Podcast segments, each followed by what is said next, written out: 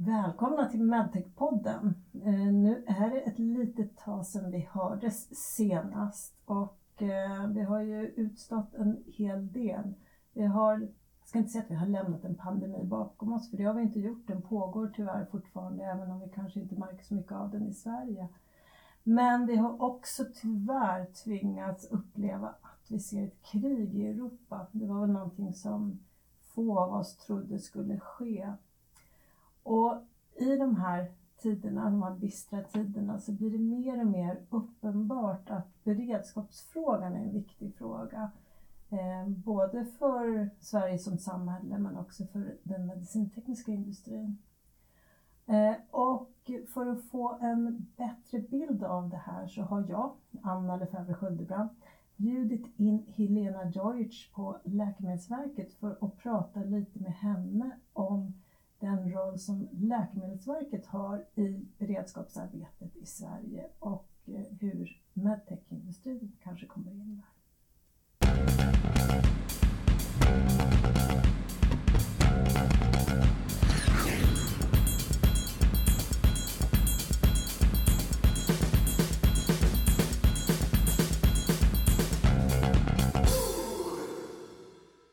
Hej Helena! Hej Anna! Vad roligt att se dig här, till och med på plats. Ja, det är lite nytt och ovant kanske, men otroligt efterlängtat. Ja, verkligen. Pandemin har ju gjort att vi har spelat in ganska många poddar via Zoom. Men nu är vi faktiskt i vårt lilla, lilla rum här på Sveavägen 63. Helena, vem är du och varför har jag bjudit in dig? Ja, jag är jätteglad att du bjudit in mig. Eh, mitt namn är Helena Droic och eh, jag är enhetschef på Läkemedelsverket för eh, enheten för medicinteknik. Jag har varit på Läkemedelsverket i nästan 15 år och arbetat med medicinteknikfrågor och har en erfarenhet både från nationella frågor, ändringar i lagstiftning, implementering av flera olika ändringar på vägen i regelverket. Senast det som pågår just nu med MDR, IVDR. Och eh, innan det så forskade jag inom immunoterapi, genterapi på Uppsala universitet. Ja, du har en väldigt relevant bakgrund. Och min tanke när jag bjöd in dig det var att prata lite om hur omvärlden påverkar Läkemedelsverkets arbete. Och då tänker jag lite på där vi är nu. Eh, ja, vi börjar kanske se pandemin lite som något historiskt, men det är den ju faktiskt inte. Det, rapporterna från Kina är att man har utbrott där och eh, eftersom Kina är en så viktig produktions, eh, produktionsland så påverkar ju naturligtvis nedstängningar i Kina oss fortfarande väldigt mycket och riskerar att störa möjligheten att få tillgång till vissa typer av medicintekniska produkter. Och som, eh, som jag nämnde i introduktionen så har vi också tyvärr ett krig i Europa. Ryssland har invaderat Ukraina. Och eh, det här är ett helt fruktansvärt krig i humanitära, eh, om man tittar på situationen för den ukrainska befolkningen. Men det har ju också ganska mycket påverkan, inte minst genom de sanktioner som västvärlden har lagt mot Ryssland och Belarus. Och vi vet ju att Ryssland och Belarus är stora producenter av bland annat en hel del metaller, också gaser, sånt som vi vet är viktigt för produktion av, av eh, många produkter, bland annat medicintekniska produkter. Så vi kan väl tro att det kan komma att bli en del påverkan på hur kapaciteten att leverera produkter till svensk vård och omsorg kommer att se ut framöver. Om man tittar på allt det här så jag har förstått att Läkemedelsverket har fått ett antal regeringsuppdrag och andra uppdrag också som kopplat till beredskapsfrågan. Skulle du kort kunna berätta lite om vad de här uppdragen innebär. Ja, det, det, stämmer. Eh, det här geopolitiska läget har vi ju haft eh, på gång ett tag egentligen. Eh, det började ju redan innan pandemin att vi började fundera över beredskap i Sverige. Och det gjorde ju att vi till exempel på Läkemedelsverket påbörjade skriva underlag för vilka behov vi skulle ha som myndighet. Och vi var inte beredskapsmyndighet eh, innan pandemin men eh, under pandemin så utsågs vi till beredskapsmyndighet. Så det här läget påverkar oss eh, ganska mycket. Och det vi började med var ju att lämna in underlag till MSB för att vi skulle få ett uppdrag kring säker kommunikation. För det är något som vi ansåg var väldigt viktigt i de här lägena när det handlar om beredskap. Och eh, vi hann ju knappt få uppdraget eh, att börja innan pandemin kom. Så då hamnade vi ju i, i skarpt läge ganska snabbt och det fick alla ställa om till. Så att alla har ju sina erfarenheter, både industrin och myndigheterna och hälso och sjukvården har vi ju gått igenom och lärt oss ganska mycket. Men som du säger, nu är det ju ytterligare saker som eh, gör det ännu skarpare på, på sitt sätt. Och oroligheterna eh, i Ukraina gör ju att eh, det blev att vi fick eh, ännu skarpare läge och fick flera regeringsuppdrag nu som är kopplade till beredskap. Så att av de nya regeringsuppdragen så har vi ju till exempel att vi ska ha eh, undersöka möjligheterna till att se vilken produktionskapacitet vi har i Sverige. Skulle vi kunna ställa om produktion och vilka möjligheter har vi i en kris? Det andra är ju att eh, skapa eh, systematik i vår omvärldsbevakning så att vi ska ha beredskap att kunna hantera ny information. Som du säger, blir det brist på vissa metaller, material som påverkar tillverkningen av medicintekniska produkter globalt kanske, så kan det ju ha effekter på tillgång till medicintekniska produkter i Sverige. Och då är det ju där tillgång till produkterna, det tredje uppdraget som vi har där eh, vi ska titta eh, lägesbilden. Vad finns det för produkter i Sverige? Hur ser tillgången ut? För det har vi också erfarenhet från pandemin och inte bara pandemin, även vissa globala återkallanden med anledning av säkerhetsfrågor, alltså produktsäkerhetsfrågor. Där det varit återkallanden som påverkat till exempel Sverige eh, väldigt eh, mycket och där vi var tvungna att fundera hur kan vi omfördela produkterna som är tillgängliga och var finns de? Så att eh, det är väldigt eh, specifika frågor som eh, anknyter till det här läget vi befinner oss i. Ja, de här uppdragen som du beskriver, de är ju extremt relevanta ur ett medtech-perspektiv. Jag vet att vi har pratat ganska mycket med våra företag, både under pandemin och nu sedan kriget började. Och det är ju mycket diskussioner om det här om man ska flytta produktion och det tar ganska lång tid att göra det. Det är ju ingenting man kan göra snabbt så.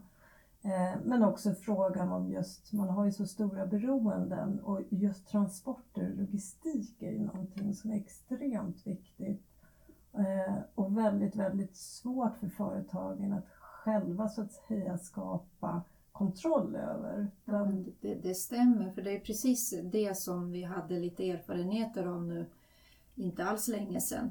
När flera bolag ringer till oss på Läkemedelsverket och eh, påtalar just logistikproblematiken som leder till att det blir brister eh, i, i Sverige. Och vi är jättetacksamma för den dialog och frivillighet eh, som finns hos bolagen att dela med sig av den informationen i så god tid som möjligt. Så att eh, ja, logistik är eh, verkligen något som vi inte riktigt kanske rår över men vi kanske kan prata vidare mm, myndigheter och, och branschen och se vad kan vi göra tillsammans för att underlätta. Ja men absolut, absolut. Jag tänker på det här, du berättade ju att du har ett, ett uppdrag som handlar om omvärldsbevakning och att också att förebygga och hantera brister som uppstår. Eh, här ser vi att företagen har en viktig roll, men hur ser ni från Läkemedelsverket på den här frågan? Men företag har ju avgörande roll.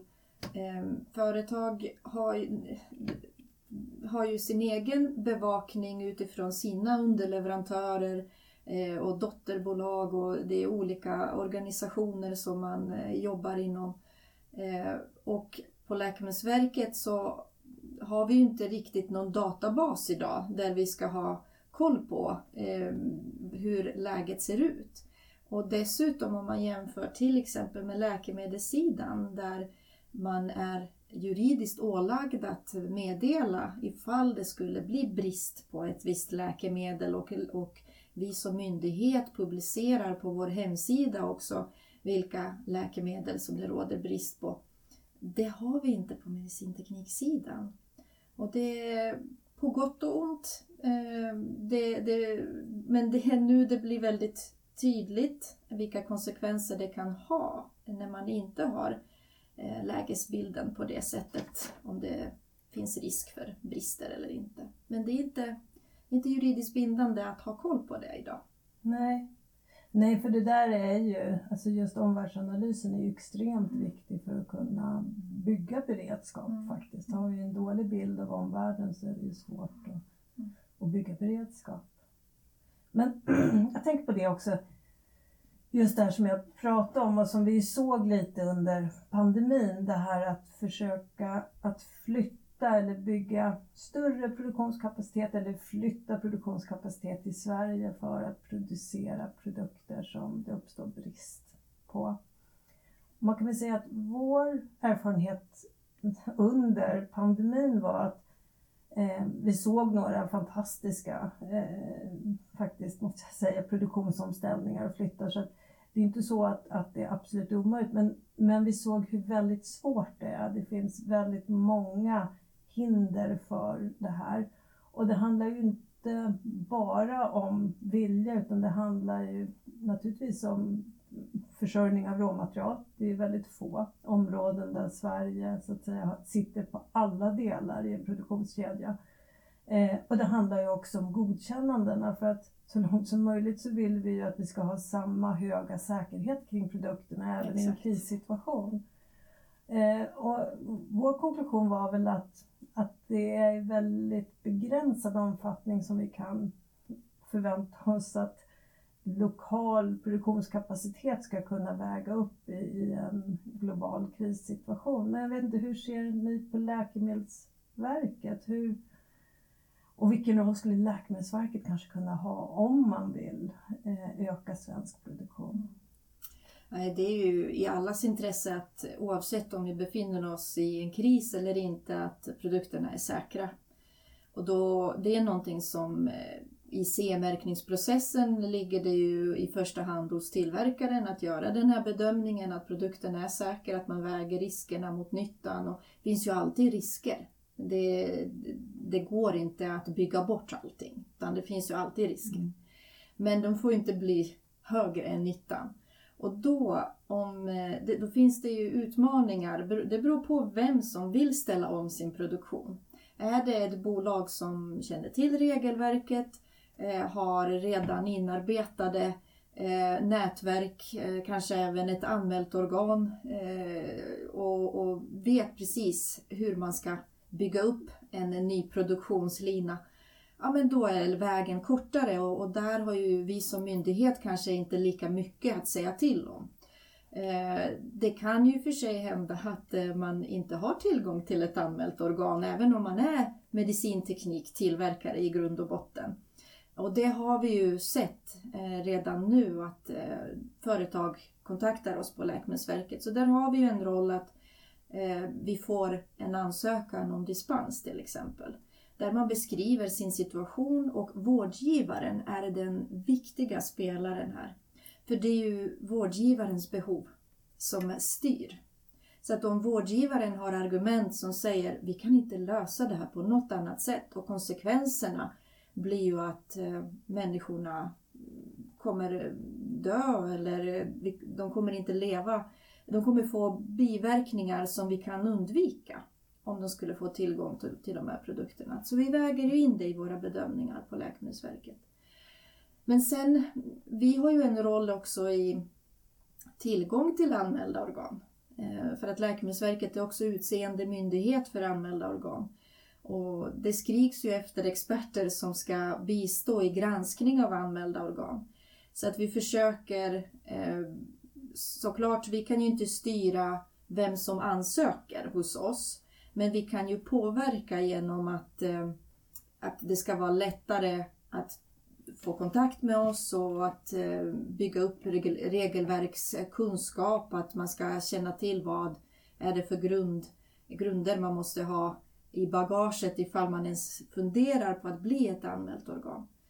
Så det, det här med infrastrukturen, där har vi en roll på Läkemedelsverket tycker jag. Och vi försöker att bistå både i utveckling av infrastrukturen men också i de här direkta ärendena där enskilda bolag kan få sälja sina produkter trots att de inte uppfyller alla kraven.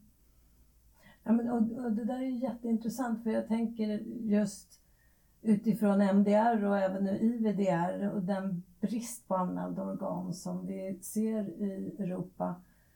Eh, och ganska ofta när man pratar om det så säger man att det gör ju inte så mycket, alltså det viktiga är att vi har anmälda organ i Europa. Och, och det är ju naturligtvis så, men, men vi ser ju att det finns ett stort värde av att ha anmälda organ, organ i Sverige och kanske jag menar, naturligtvis hela tiden men framförallt ur ett beredskapsperspektiv. Jag vet inte vilken din bild är här. Jo men det stämmer, det såg vi också under pandemin eh, där eh, eh, företag kunde direkt kommunicera med de eh, svenska anmälda organen och eh, diskutera hur, och här var det ju, vi har ju också eh, RISE som inte bara anmält organ i grund och botten utan forskningsinstitut som kan ha en annan roll i krissituationer. Så att eh, det gäller att hålla isär också de hattarna som vi alla kan ha. Att vi kan sitta på lite olika eh, stolar i en kris och beredskap.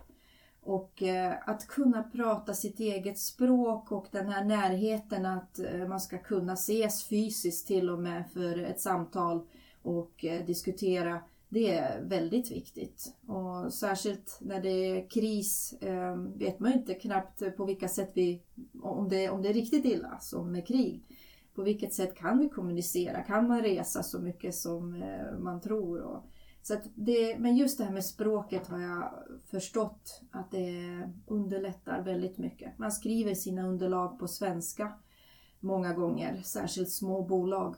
Och då att behöva ställa om och eh, fundera, behöver jag översätta vissa dokument för att kunna eh, samtala med mitt anmält organ? Ja, det är ett steg ett längre. Steg till, ja. Mm. Mm. ja, men så är det. Ja, det finns mycket man kan prata om just vad gäller produktionskapacitet. Men, men jag tänker just också på det här som du pratar om att ni har ett uppdrag när det handlar om att på något sätt identifiera de här relevanta, viktiga medicintekniska produkterna. Hur, så att säga, hur ser det uppdraget ut och hur kommer ni att arbeta med det? Mm. Ja, det är ett svårt uppdrag. Alla uppdragen är egentligen väldigt komplexa och, och svåra. Och eftersom vi inte har jobbat med de här frågorna, det har inte varit en del av regelverket att ha det i bakhuvudet ens. Vilket gör att och om, ja, området är ju brett också. Det, det, är så många olika produkter, det är så många olika metoder som existerar där medicinteknik ingår. Och då att förutse, ja men vad, vilken sorts situation ska vi tänka oss in i och utefter den situationen ta fram relevanta medicintekniska produkter det kan röra sig om. Så att här kommer vi väl behöva göra lite Eh, teoretiska övningar eh, tillsammans med vårdgivarna, hälso och sjukvården, användarna eh, för att höra vad kan det vara för behov av vilken typ av medicintekniska produkter skulle det kunna vara. Vi har ju erfarenhet av pandemin, vad det satte för krav på oss utifrån tillgång till medicintekniska produkter. Men vi måste tänka större än pandemi. Vi måste tänka större, det kan vara traumaskador, det kan vara annat. Ja, men exakt. Mm. Nej, och där ser ju jag att företagen har en väldigt viktig roll med den kunskap som man har, både naturligtvis från Sverige men också, också internationellt, att kunna hjälpa er som myndighet i, i det här. Nej, men det, det, tror jag är viktigt för det finns ju, eh, branschen har ju varit med om, eh, historiskt tillsammans har vi ju eh, enorm eh, kapital på erfarenheter. Så nu gäller det att plocka från de erfarenheterna vi har.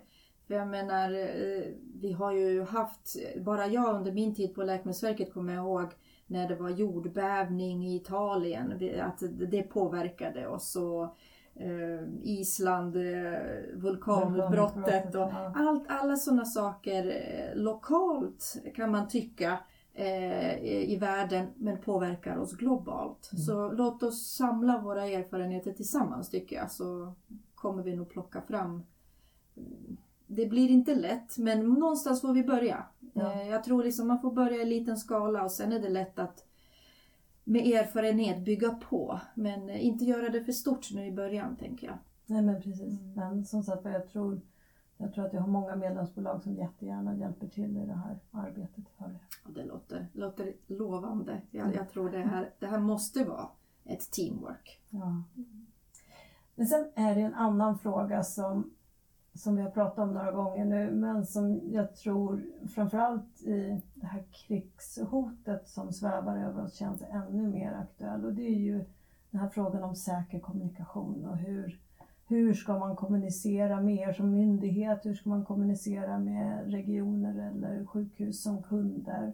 Och hur vet man vilken information som är känslig? Eh, många medicintekniska företag säljer ju också produkter naturligtvis till Försvarsmakten eftersom medicinteknik är ju en väldigt viktig del även i att bygga försvarsberedskap.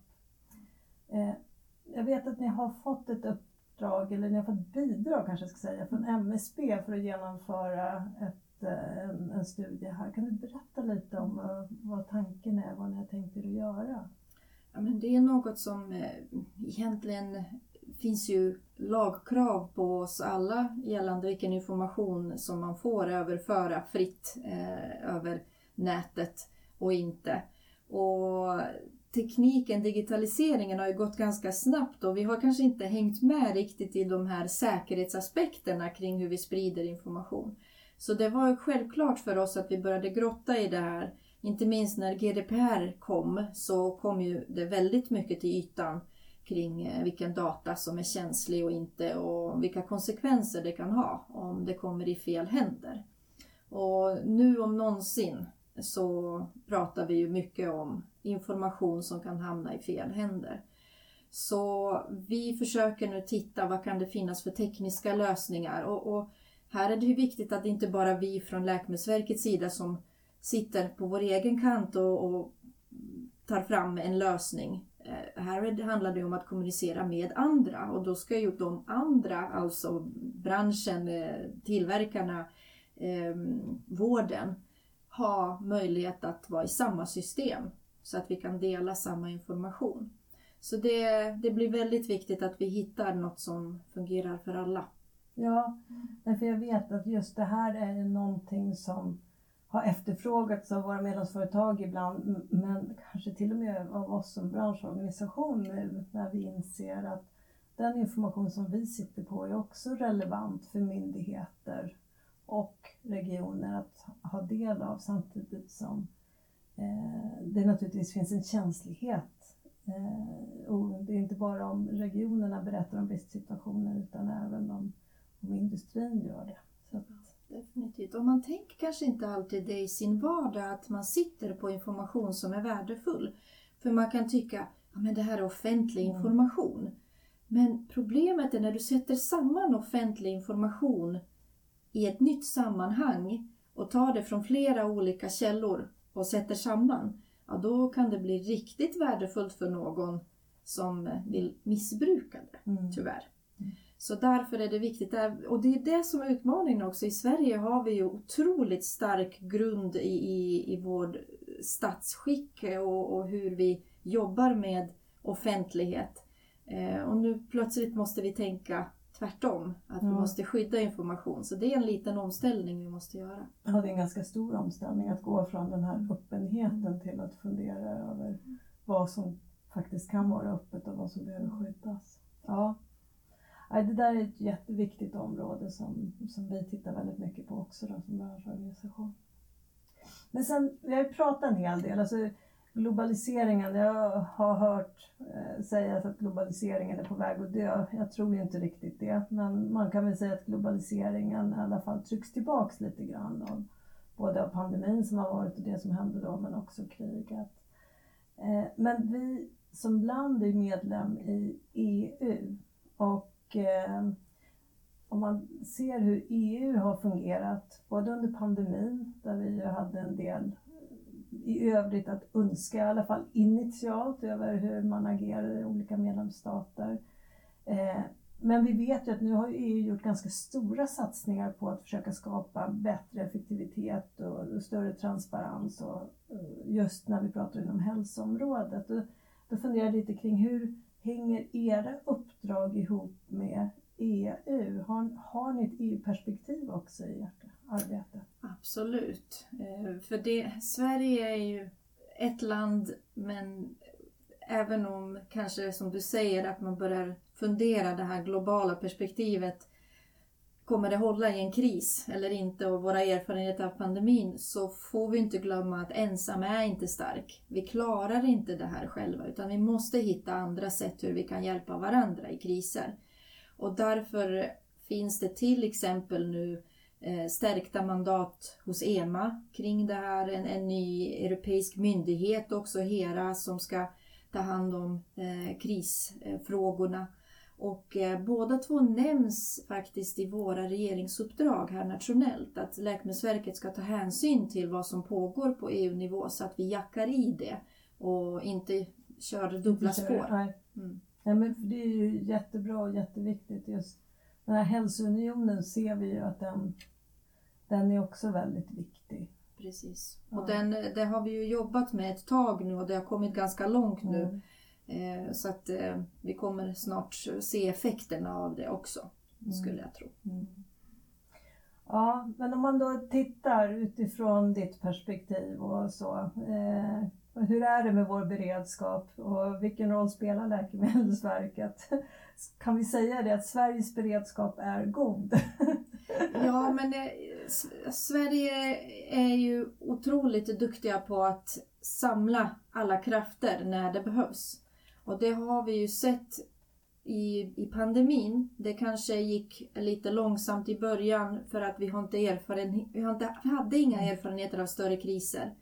Men eh, här nu redan försöker vi lära oss av alla utredningar som görs nu. Vad var bra, vad var dåligt? För så är det. det allting är inte perfekt. Men vi har mycket nu att lära oss av. Vi håller på och använder oss av den informationen. Så att jag tycker bara att vi fått de här regeringsuppdragen och inte bara Läkemedelsverket, flera myndigheter har fått det. Med vissa myndigheter till och med kortare deadlines än vad vi har. Eh, det finns bland annat ett uppdrag som Socialstyrelsen fått nu med leverans 19 april. Så att eh, det, det finns Eh, kapacitet, myndigheterna är redo, vi är redo att omprioritera om så behövs för att leverera i de här uppdragen. Och jag vet, vi har redan blivit approcherade både av er på Swedish Medtech och SKR och många, många fler som säger vi är redo att prata och samverka i de här frågorna. Så att det gläder mig att alla verkligen är, står upp och är redo och erbjuder sin tid. Det som är det mest värdefulla vi har. Ja, nej. Nej, men, och det är väldigt, väldigt positivt att höra det du berättar. Och, och, det var oerhört intressant också måste jag säga att få ta del av de här uppdragen. För de är jätteviktiga uppdragen och det är viktigt det arbete som ni driver. Och vi, jag har sagt det förut men jag säger det igen, att vi står jättegärna till förfogande och hjälper till så mycket det bara går för beredskapsfrågorna är viktiga för oss, enormt viktiga. Eh, jättestort tack Helena. Vi kommer förhoppningsvis att ses igen, för det finns väldigt många intressanta områden som vi skulle kunna prata kring när vi pratar utifrån Läkemedelsverkets uppdrag. Men idag tycker jag att vi har fått en jättefin belysning av ert arbete om beredskapsområdet. Tack så jättemycket Anna.